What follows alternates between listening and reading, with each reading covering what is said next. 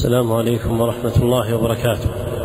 الحمد لله الذي جعل طلب العلم من أجل القربات وتعبدنا به طول الحياة إلى الممات وأشهد أن لا إله إلا الله وحده لا شريك له وأشهد أن محمدا عبده ورسوله صلى الله عليه وسلم ما عقدت مجالس التعليم وعلى آله وصحبه الحائزين مراتب التقديم أما بعد فهذا الدرس الثالث والعشرون في شرح الكتاب الخامس من برنامج التعليم المستمر في سنته الثانية إحدى وثلاثين بعد الأربعمائة والألف واثنتين وثلاثين بعد الأربعمائة والألف وهو أعلام السنة المنشورة للعلامة حافظ حافظ بن أحمد الحكمي رحمه الله.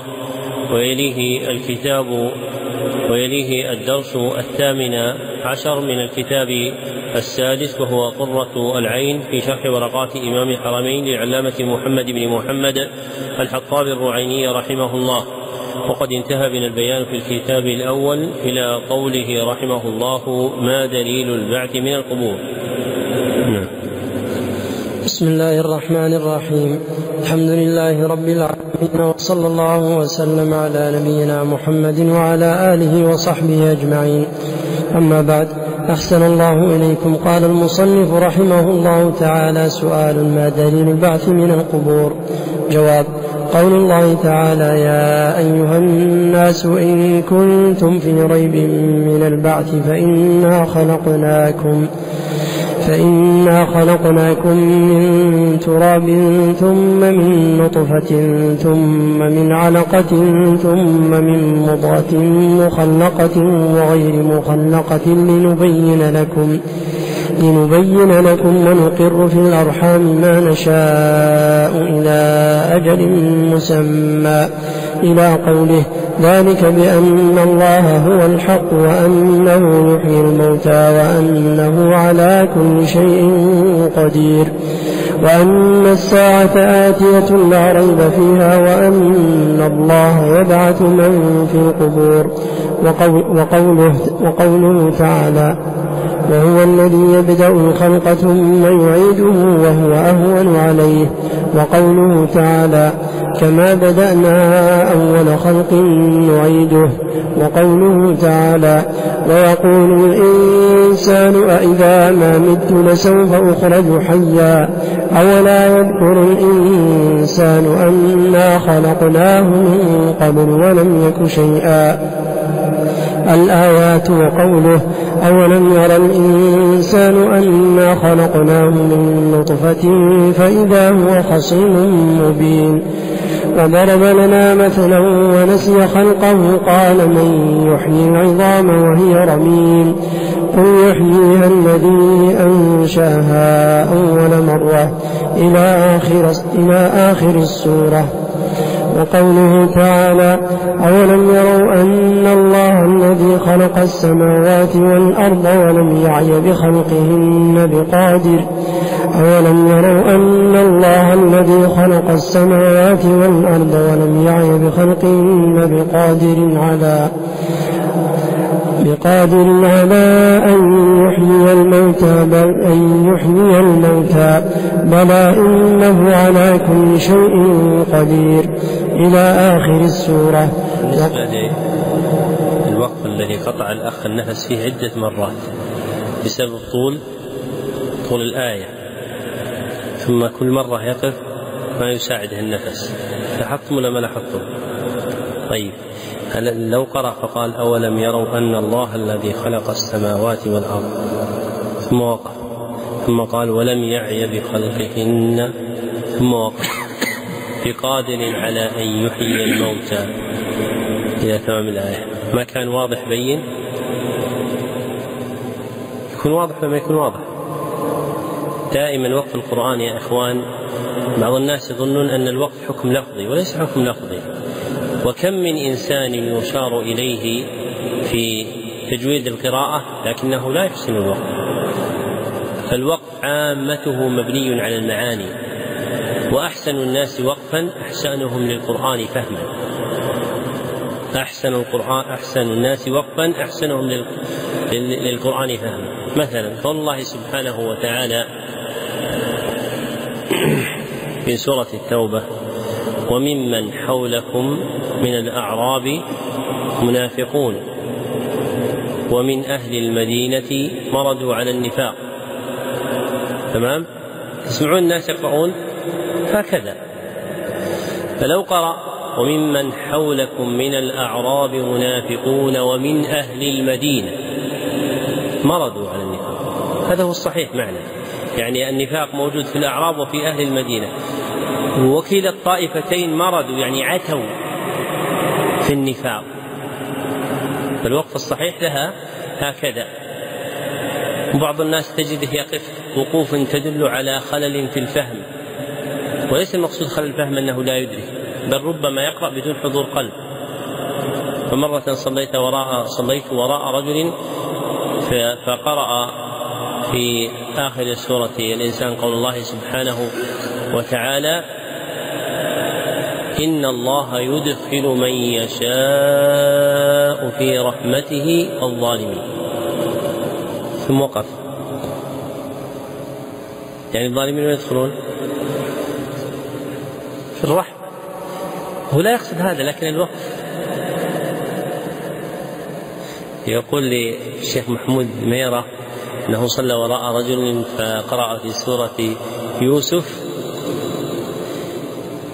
قول الله سبحانه وتعالى وتركنا يوسف عند متاعنا فأكل.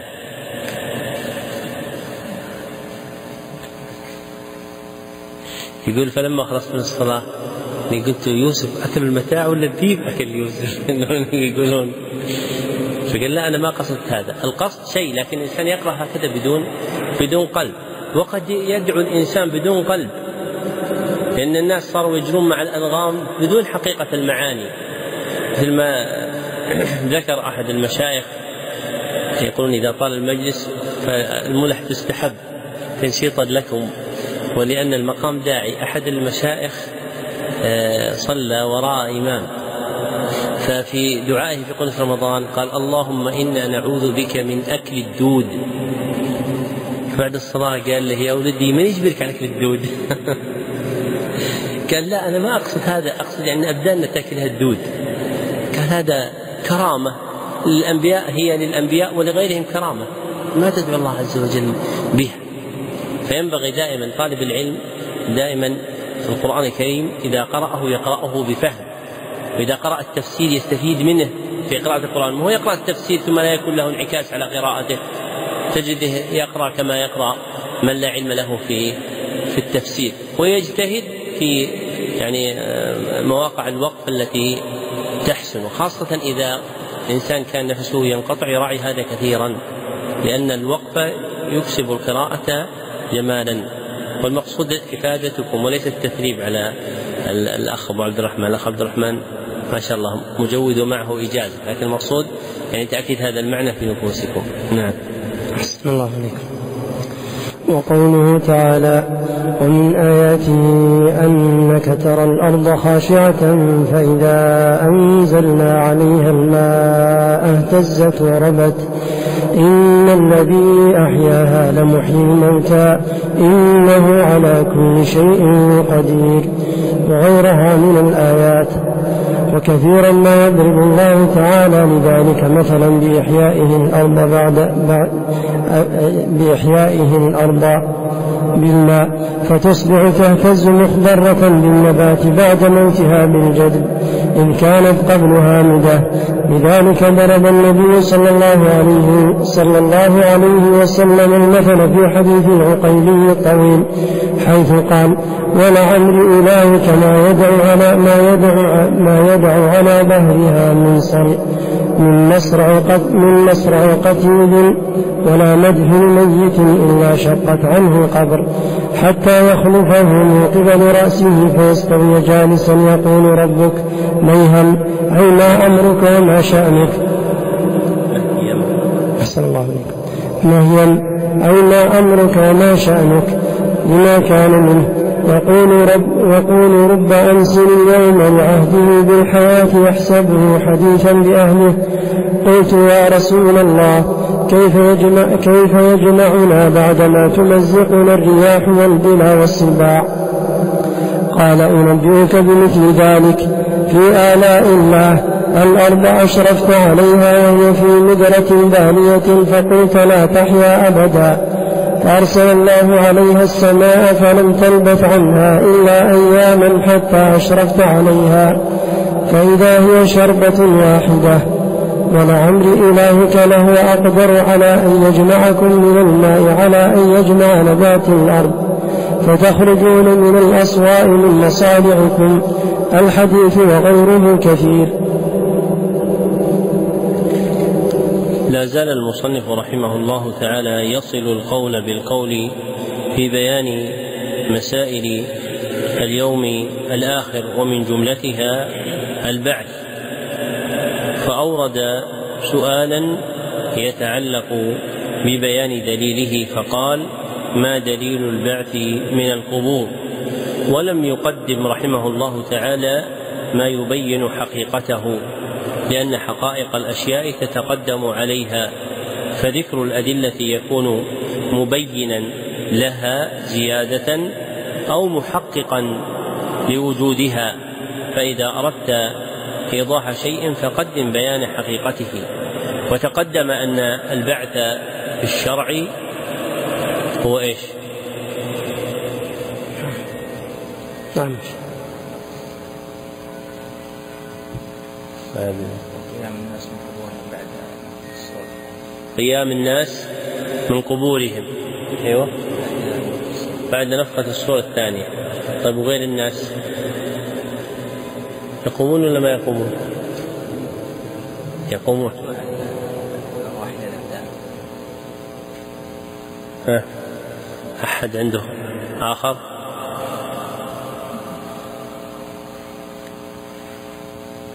هذه المسألة يمكن ثلاث مرات أربع مرات رجعناها ولذلك العلم لا بد تحضر مرة وثانية وثالثة ورابعة.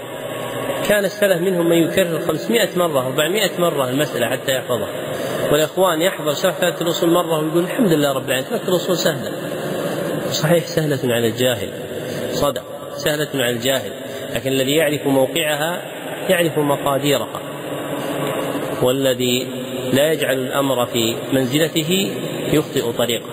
ذكرنا أن البعث شرعا هو قيام الخلق. قيام الخلق. إذا أعيدت الأرواح إلى الأبدان بعد نفخة الصور الثانية قيام الخلق.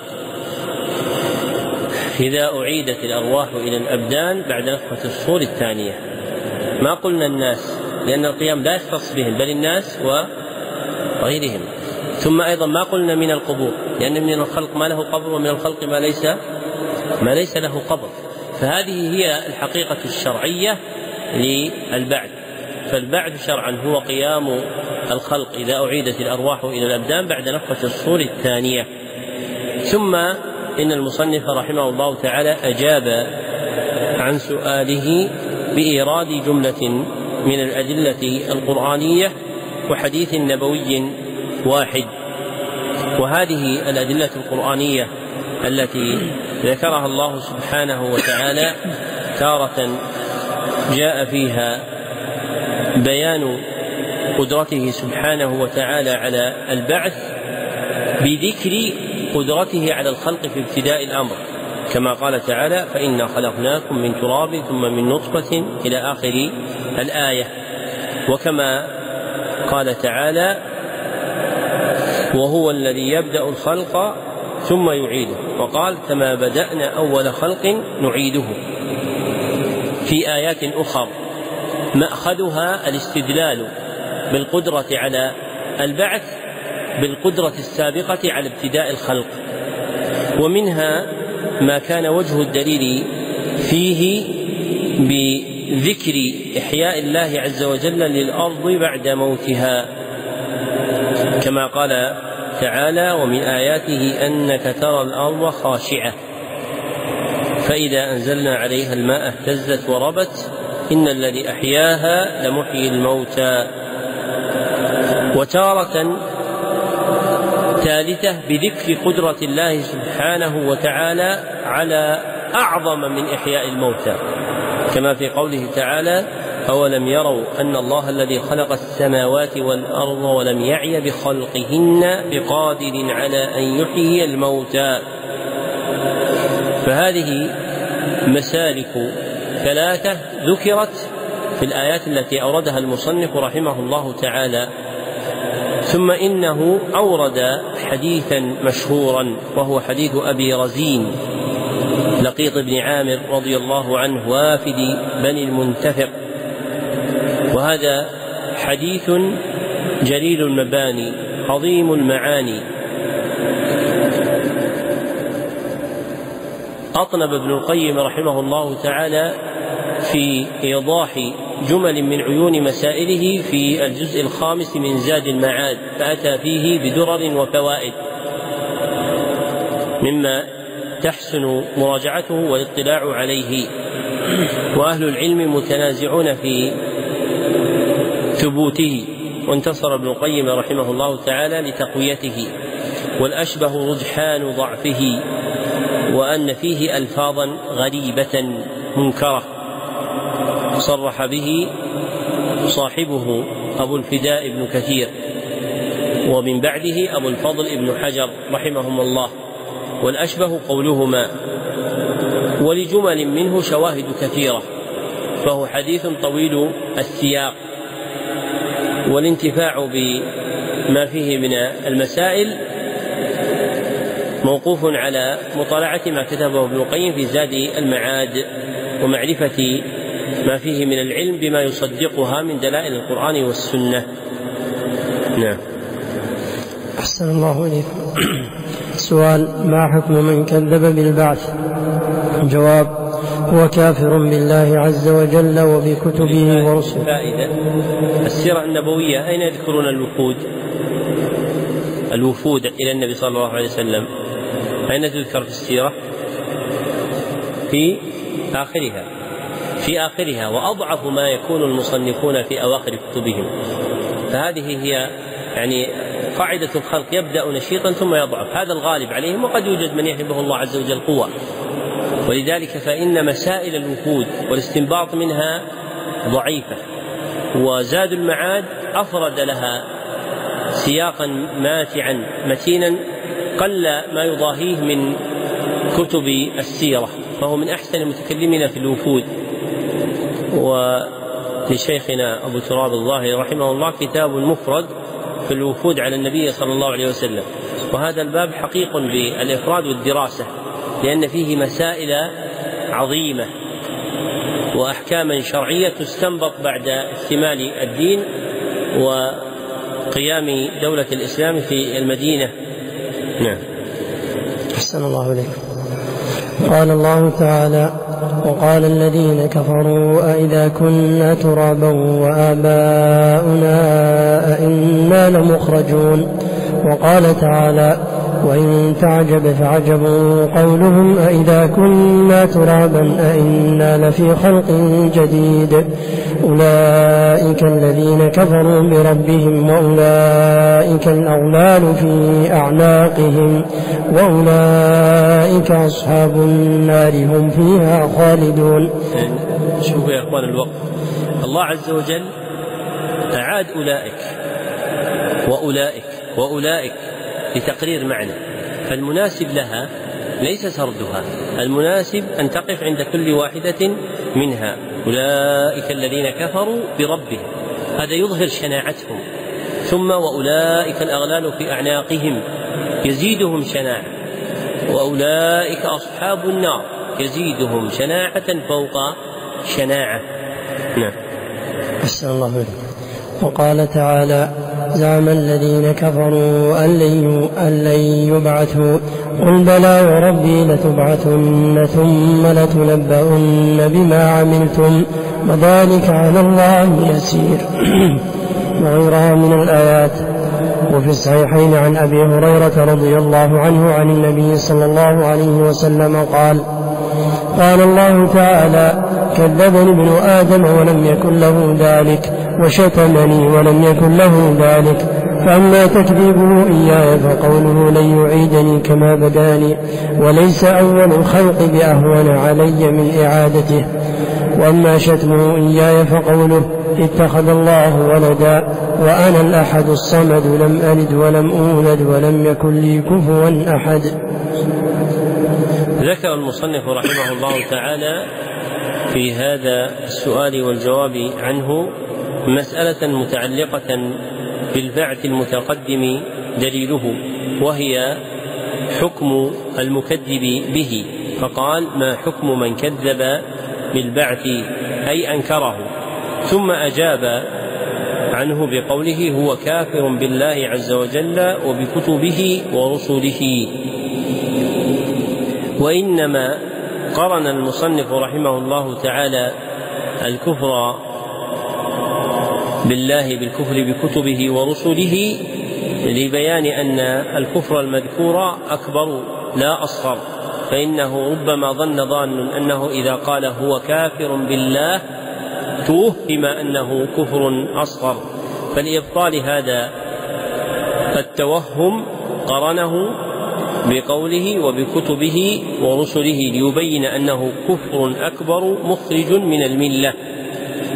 وأورد رحمه الله تعالى دليله بذكر آيات ثلاث فيها نسبة مقالة إنكار البعث إلى الكفار مما يدل على أن القائل بها كافر.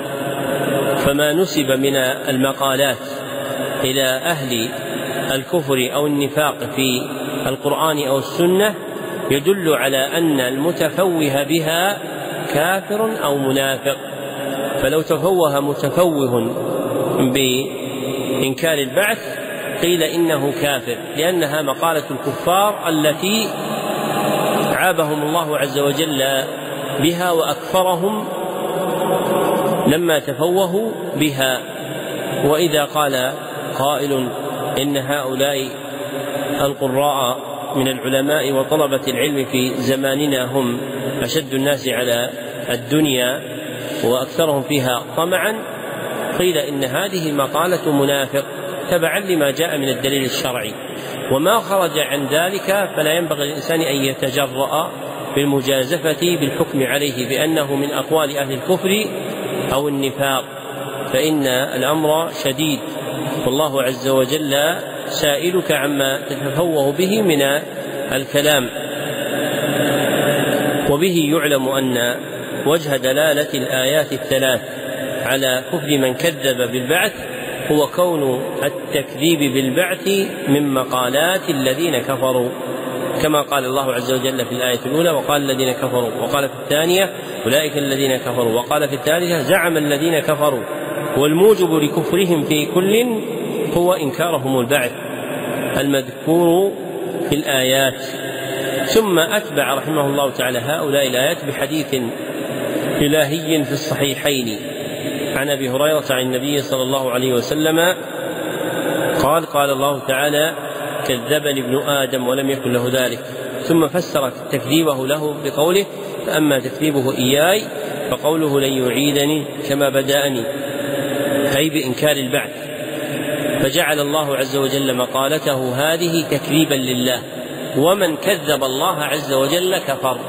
فالمكذب لله عز وجل في قوله وحكمه كافر بالله سبحانه وتعالى فاستفيد وجه آخر في بيان كفر القائل الكفر المنكر للبعث وهو كونه مكذبا لله فمن كذب الله كفر. نعم. أحسن الله عليك سؤال ما دليل النفخ في الصور وكم نفخات ينفخ فيه؟ جواب قال الله تعالى ونفخ في الصور فصعق من في السماوات ومن في الأرض إلا من شاء الله ثم نفخ فيه أخرى فإذا هم قيام ينظرون ففي هذه الآية ذكر نفختين الأولى للصعق والثانية للبعث. وقال تعالى ويوم ينفخ في الصور ففزع من في السماوات ومن في الأرض إلا من شاء الله وكل أتوا داخرين. الآية فمن فسر الفزع في هذه الآية بالصعق فهي النفخة الأولى المذكورة في آية الزمر. ويؤيده حديث مسلم وفيه ثم ينفخ في ثم ينفخ في الصور فلا يسمعه أحد إلا أصغى ليتا ورفع ليتا. قال وأو أحسن الله إلا أصغى ليتا ورفع ليتا. صفحة العنق طيب كيف؟ أصغى ليتا ورفع ليتا.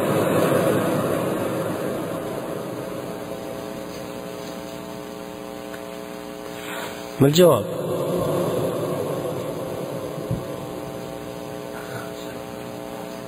إيش؟ أمام الرأس هكذا ها. لماذا؟ اي أحسنت لم هو يلزم من أعلى لكن آه، ليس المعنى أن الإنسان يعني أصغى ليتا يعني أمال صفحة عنق ورفع صفحة عنق بهذا الشكل فإن المستمع لا يفعل هذا وإنما المستمع يصغي ليتا بجذبه إلى السفل ويرفع ليتا بجذبه إلى العلو فهو يقول هكذا. صح؟ هكذا المستمع إذا أراد أن يستمع. نعم. أحسن الله. وهذه ما توجد في الكتب. أصاليتا ورفعليتا ليأخذ العلم الكتب يظن معناها يراجع إيش معنى الليت؟ قال صفحة العنق وأصفى معناها أمال. يظن أنها هكذا في إمالة وهي ليست كذلك. بل إمالة تقتضي أن ينخفض أحد جانبي عنقه ويرتفع الآخر. نعم. أحسن الله عليك وفيه ثم ينفخ في الصور فلا يسمعه أحد إلا أصغى ليتا الفائدة الفائدة احرصوا على تقييد مثل هذا فإننا فرطنا. يعني في أشياء كانت تمر في الأحاديث فالمشايخ يعني يبينون يبينون صورتها ولكن لا نقيد. فصارت علم منطبع نعم عندنا لكن من الذي أخذت عنه؟ هذا ضاع عنك. تذكرون تقدم عندنا إيش؟ فحرف يده وبدد أصابعه أصا- وبدد بين أصابعه في حديث ارتقاء الجن واستماعهم. فهذا من الصفات التي تلقيتموها أنتم هكذا. ولا شك أني أخذتها لكن هل هو في درس فتح المجيد ولا التوحيد ولا في كتاب حديثي وعم المشايخ ربما بعض الأشياء نذكر صحيح لكن بعض الأشياء لا نذكر. مثل الحديث آه، إن المرأة عورة فإذا خرجت استشرفها الشيطان. استشرفها الشيطان. إن الشيخ عبد القيوم ابن زين الله البستوي رحمه الله لما آه، قرئ هذا الحديث عليه وكنت حاضرا ذكر أن شيخه أحمد الله لما قرئ عليه هذا الحديث قال هكذا. يعني هذا معنى استشراف يعني التطلع. هذا مثلا ضبط ضبط كيفية أداء فلان عن عن فلان فأنت إذا مرت بك هذه الأشياء عن شيوخك فلا تهملها لأنك تستفيد منها علما علما صحيحا. نعم. أحسن الله عليك ثم ينفخ في الصور فلا هذا يسمعه هذا أحد. العلم اللي ما يوجد في الكتب. هذا العلم ما يوجد في الكتب. العلم يؤخذ عن الشيوخ ما يؤخذ عن الكتب. نعم. أحسن الله عليك ثم ينفخ في الصور فلا يسمعه أحد إلا أصغى ليتا ورفع ليتا وأول من يسمعه رجل يلوط حوض إبله قال فيصعق ويصعق الناس ثم يرسل الله. أو قال ينزل الله مطرا كأنه الطل. أو قال الظل شعبة الشاك فتن فتنبت منه أجساد الناس ثم ينفخ فيه أخرى فإذا هم قيام ينظرون الحديث ومن فسر الفزع بدون الساق فهو نفخة فهو فهو نفخة ثالثة متقدمة على النفختين. سم فهي نفخة ولا فهو نفخة؟ فهي نفخة. فهي نفخة ثالثة متقدمة على النفختين. ويؤيده ما في حديث الصور الطويل فإن فيه ذكر ثلاث نفخات نفخة الفزع ونفخة الصعق ونفخة القيام لرب العالمين. ذكر المصنف رحمه الله تعالى سؤالا آخر يتعلق بمسألة أخرى من مسائل الإيمان باليوم الآخر فقال ما دليل النفخ في الصور وكم نفخات ينفخ فيه ولم يبين رحمه الله تعالى في جوابه حقيقة الصور ولا ذكرها فيما يستقبل وتقدم أن الصورة إيش؟ مرت علينا المسألة يا إخوان إيه. إيه. نعم أنه بوق عظيم كالقرن ينفخ فيه. بوق عظيم كالقرن ينفخ فيه. هذه صفته. البوق هو الذي ينفخ فيه. فيكون على صورة القرن المعروف. وهذه الصفة وردت في حديث مشهور عند أبي داود وغيره من حديث عبد الله بن عمرو رضي الله عنهما. تتابع الخلق على تصحيحه وفي النفس من صحته شيء. لأنه من رواية بشر بن شغاف التميمي عن عبد الله بن عمرو. ولم أجد في حديثه الذي تتبعته تصريحا منه بالسماع لا في هذا الحديث ولا في غيره. فالأشبه أنه منقطع. لكن روى ابن أبي الدنيا في كتاب الأهوال والطبراني في المعجم الكبير بسند حسن عن عبد الله بن مسعود أنه قال الصور كهيئة القرن فهو الثابت في الباب. مثل له حكم الرفع أم ليس له حكم الرفع؟ له حكم له حكم الرفع. فالثابت في الباب ما جاء عن ابن مسعود رضي الله عنه دون الحديث المشهور عن عبد الله بن عمرو. وأما المسألة التي عقد المصنف رحمه الله تعالى السؤال لها وهي دليل النفخ في الصور فأورد رحمه الله تعالى ما يدل على ذلك من كتاب الله سبحانه وتعالى وسنة نبيه صلى الله عليه وسلم. فقال قال الله تعالى ونفخ في الصور. وقال تعالى ويوم ينفخ في الصور. وفي حديث عبد الله بن عمر في صحيح مسلم ثم ينفخ في الصور. فهؤلاء الآيات مع الحديث المذكور هي أدلة النفخ في الصور. وأما عدد النفخات فإن أهل السنة وغيرهم مختلفون فيها على قولين. القول الأول أنهما نفختان.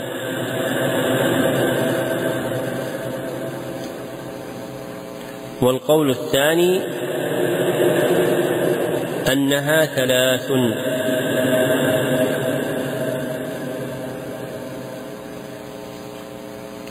والأولون يجعلون النفخة الأولى نفخة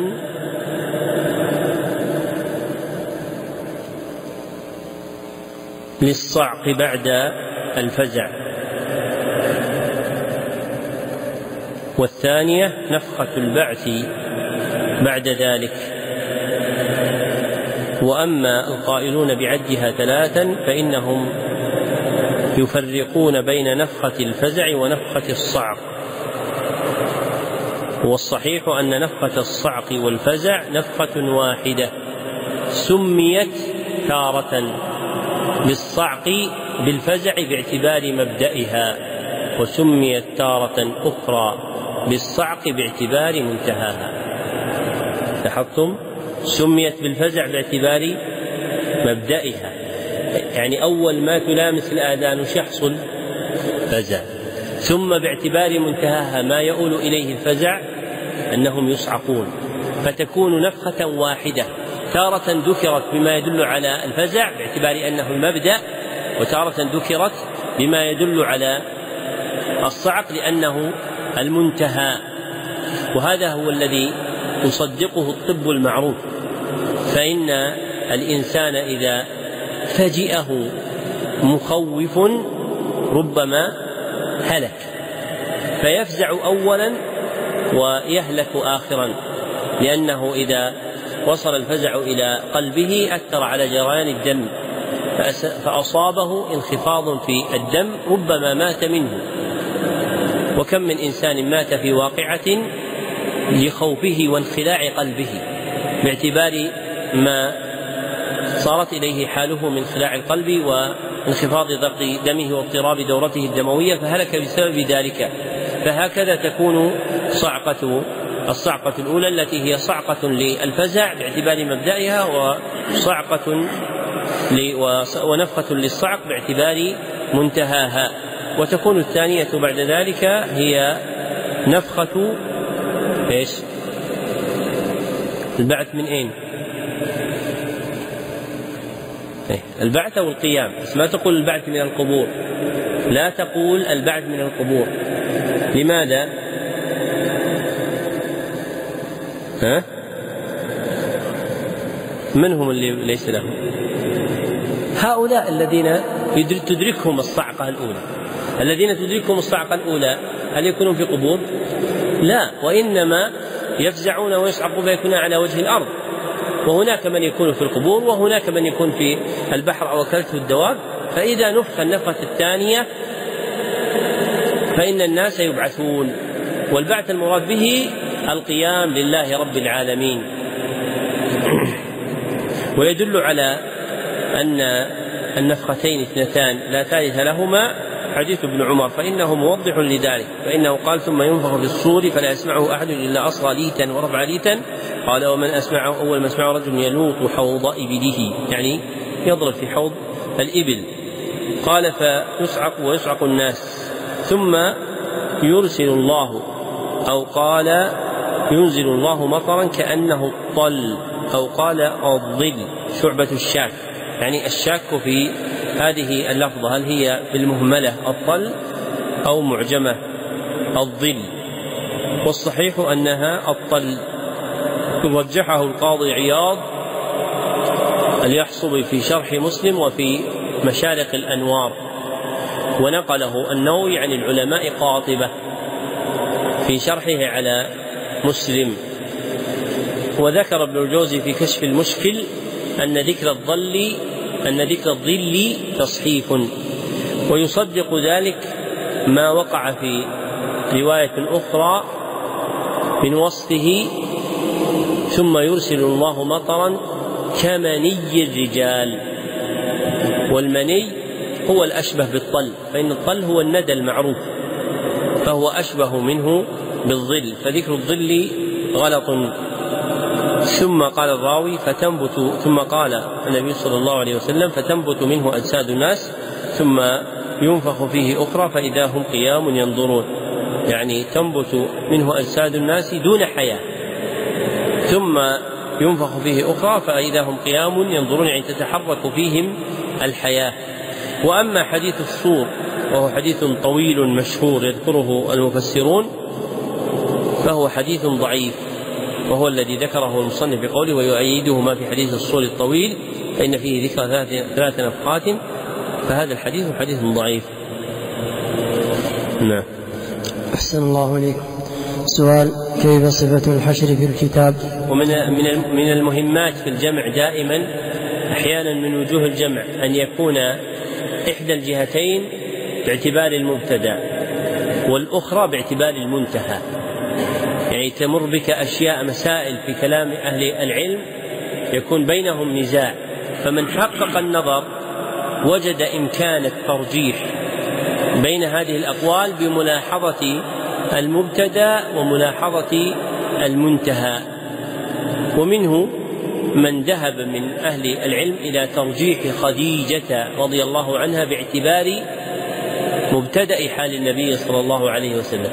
وترجيح عائشة باعتبار منتهى حال النبي صلى الله عليه وسلم. ونظائر هذا في مسائل العلم كثير. نعم. أحسن الله إليك. جواب في صفة جواب في صفته آيات كثيرة منها قوله تعالى ولقد جئتمونا فرادا كما خلقناكم أول مرة. الآية وقوله تعالى وحشرناهم فلم نغادر منهم أحدا. الآيات. وقوله تعالى يوم نحشر المتقين إلى الرحمن وفدا ونسوق المجرمين إلى جهنم وردا. الآيات. وقوله تعالى وكنتم أزواجا ثلاثة فأصحاب الميمنة ما أصحاب الميمنة وأصحاب المشأمة ما أصحاب المشأمة والسابقون السابقون.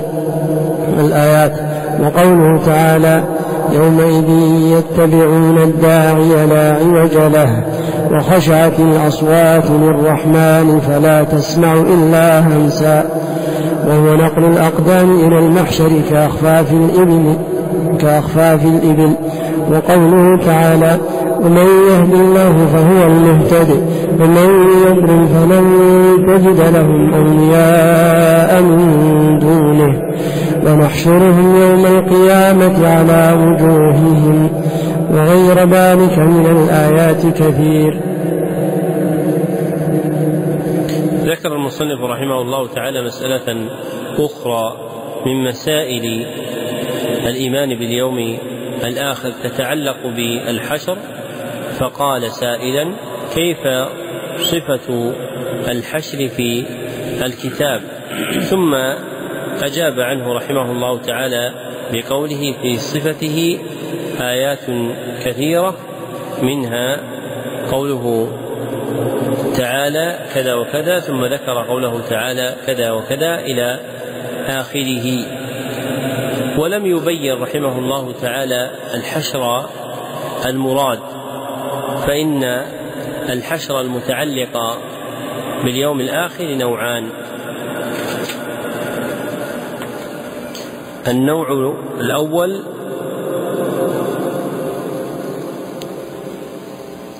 حشر النار الناس إلى الشام.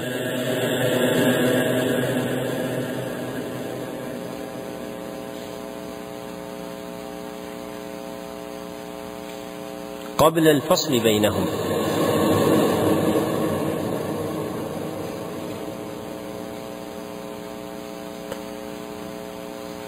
والآخر حشر المتقين إلى الجنة وسوق المجرمين إلى جهنم بعد الفصل بينهم.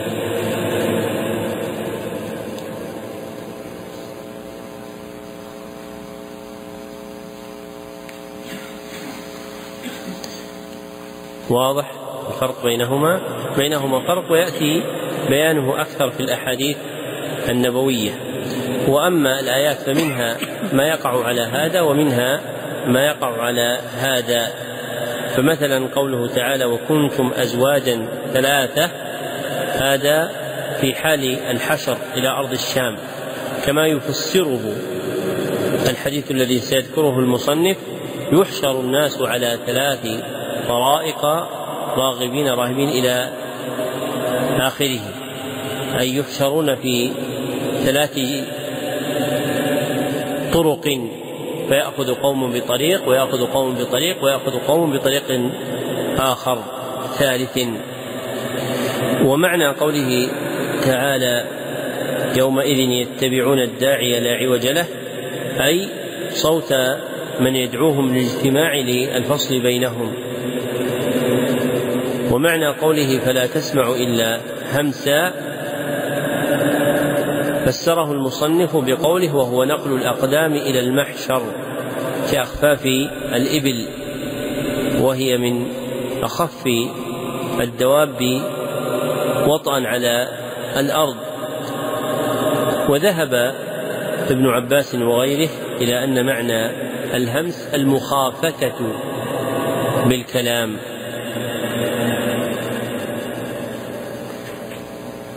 وتفسير الآية بكل وارد محتمل. ذكره ابن كثير رحمه الله تعالى في تفسيره. فيكون المراد بالهمس الصوت الخفي ومن جملته وقع الأقدام. فإن وقع الأقدام يكون خفيا غير ظاهر وقد ذكر ابن جرير وابن كثير وجماعة من أهل العلم في الآية آية مريم يوم نحشر المتقين إلى الرحمن وفدا ونسوق المجرمين إلى جهنم وزدا فرقا لطيفا بين الوفد والود. وهو أن الوفد يأتي على كمال ويلقى بكمال والورد يأتي على نقص ويلقى بنقص. فالوفد عندما يذهب إلى أحد يكون على أكمل أحواله وأبهاها ويتلقى تعظيما له بالجوائز والصلات والأعطيات والورد عندما يذهب إلى أحد يكون على حال نقص وعندما يرجع يكون على حال نقص. ومنه سمي قدوم الإبل على الماء إيش؟ ورودا فيقال وردت الإبل لأنها على حال نقص وهو العطش. نعم. أحسن الله إليكم سؤال كيف صفته من السنة؟ جواب قال النبي صلى الله عليه وسلم يحشر الناس على ثلاث طرائق راغبين راهبين واثنان على بعير وثلاثة على بعير وأربعة على بعير وعشرة على بعير. وتحشر بقيتهم النار تقيل معهم حيث قالوا وتصبح معهم حيث أصبحوا وتمسي معهم حيث أمسوا. وعن أنس بن مالك رضي الله عنه أن رجلا قال يا نبي الله كيف يحشر الكافر على وجهه؟ قال أليس الذي أمشاه على الرجلين في الدنيا قادرا على أن يمشيه على وجهه يوم القيامة؟ وقال صلى الله عليه وسلم إنكم محشورون حفاة عراة غرلا كما بدأنا أول خلق نعيده. وإن أول الخلائق يفزى يوم القيامة إبراهيم الحديث. وقالت عائشة رضي الله عنها في ذلك يا رسول الله الرجال والنساء ينظر بعضهم إلى بعض. فقال الأمر أشد من أن يهمهم ذلك. لما ذكر المصنف رحمه الله تعالى دليل الحشر من الكتاب بذكر الآيات الواردة في صفته أتبعه بسؤال آخر يتعلق ببيان حقيقته وصفته في السنة النبوية فقال كيف صفته من السنة؟ يعني مما ورد في السنة. ثم أجاب عنه بذكر أحاديث عن النبي صلى الله عليه وسلم أولها حديث أبي هريرة في الصحيحين. أن النبي صلى الله عليه وسلم قال ذاكرا حال الناس إذا حشرتهم النار التي تخرج من من أين؟ النار. من قعرة عدن. فإنها تحشرهم في هذه النار التي تخرج في الحياة الدنيا إلى الشام. فتقيل معهم حيث قالوا وتصبح معهم حيث أصبحوا وتمسي معهم حيث أمسوا. ويحشر الناس في ثلاث طرق راغبين راهبين. واثنان على بعير وثلاثة على بعير وأربعة على بعير وعشرة على بعير. أي يتناوبون ما يركبون. فمنهم من يكون وحده على بعير ولم يذكر في الحديث للعلم به. واثنان على بعير يعني يتعاقبان على البعير فيركب أحدهما ويمشي الآخر. وثلاثة على بعير فيتناوبون في الركوب. وأربعة على بعير يتناوبون ولا ريب أنهم يكونون في المشي أكثر ممن يتناوب بعيرا واحدا اثنان فالبعير الذي يتناوبه أربعة لا تأتي نوبة احدهم بالركوب إلا بعد مدة وهذا يراد به تفاوت حال الناس فيما يجدونه من الظهر الذي يركبونه وليس هو تفسير لقوله يحشر الناس على ثلاث طرائق. راغبين راهبين. بل تلك الجملة جملة منفصلة. معناها يحشر الناس في ثلاث طرق. فهنا طريق وهنا طريق وهنا طريق وحالهم راغبين راهبين. ثم أورد حديث أنس رضي الله عنه في الصحيح وفيه أن رجلا قال يا نبي الله كيف يحشر الكافر على وجهه؟ قال ليس الذي أمشاه على الرجلين في الدنيا قادرا على يمشيه على وجهه يوم القيامة. يعني حين سوقه إلى جهنم. فهذا حشر بعد الفصل بين الناس. ثم أورد حديث إنكم محشورون حفاة عراة غلا كما بدأنا أول خلق نعيده. فالحديث في الصحيحين أيضا. هو حشر الناس حفاة عراة غلا هو حال من في القبور. فهم الذين يحشرون على هذه الصفة. يحشرون حفاة عراة غلا يبعثهم الله سبحانه وتعالى على ذلك. ثم ذكر حديث عائشة رضي الله عنها يا رسول الله الرجال والنساء ينظر بعضهم إلى بعض فقال الأمر أشد من أن يهمهم ذلك. يعني الأمر أعظم من أن يكون توجههم إلى أن يطلب الرجال رؤية النساء أو تطلب النساء رؤية الرجال. وهذا آخر التقرير والبيان على هذه الجملة من الكتاب وبالله التوفيق. والحمد لله رب العالمين.